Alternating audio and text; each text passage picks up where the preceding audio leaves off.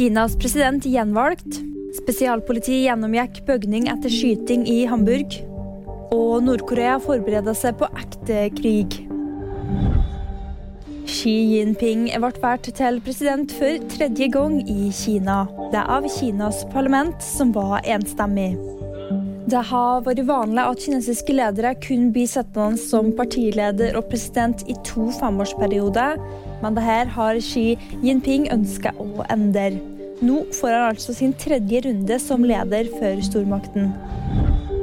Spesialpolitiet gjennomgikk bygninger etter skyteepisoden i Hamburg. Det er etter at sju personer skal være drept og flere er skadet etter skyting i et lokale tilhørende Jehovas vitner i den tyske byen Hamburg torsdag kveld. Gjerningspersonen skal ifølge NTB trolig være blant de døde, og noe motiv for ugjerninger er ikke kjent. Det opplyser politiet på Twitter. Kim Jong-un beordrer militæret til å øve på ekte krig.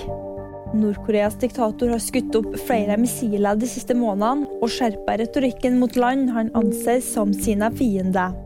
VG Nyheter fikk du av meg, Ane Mørk.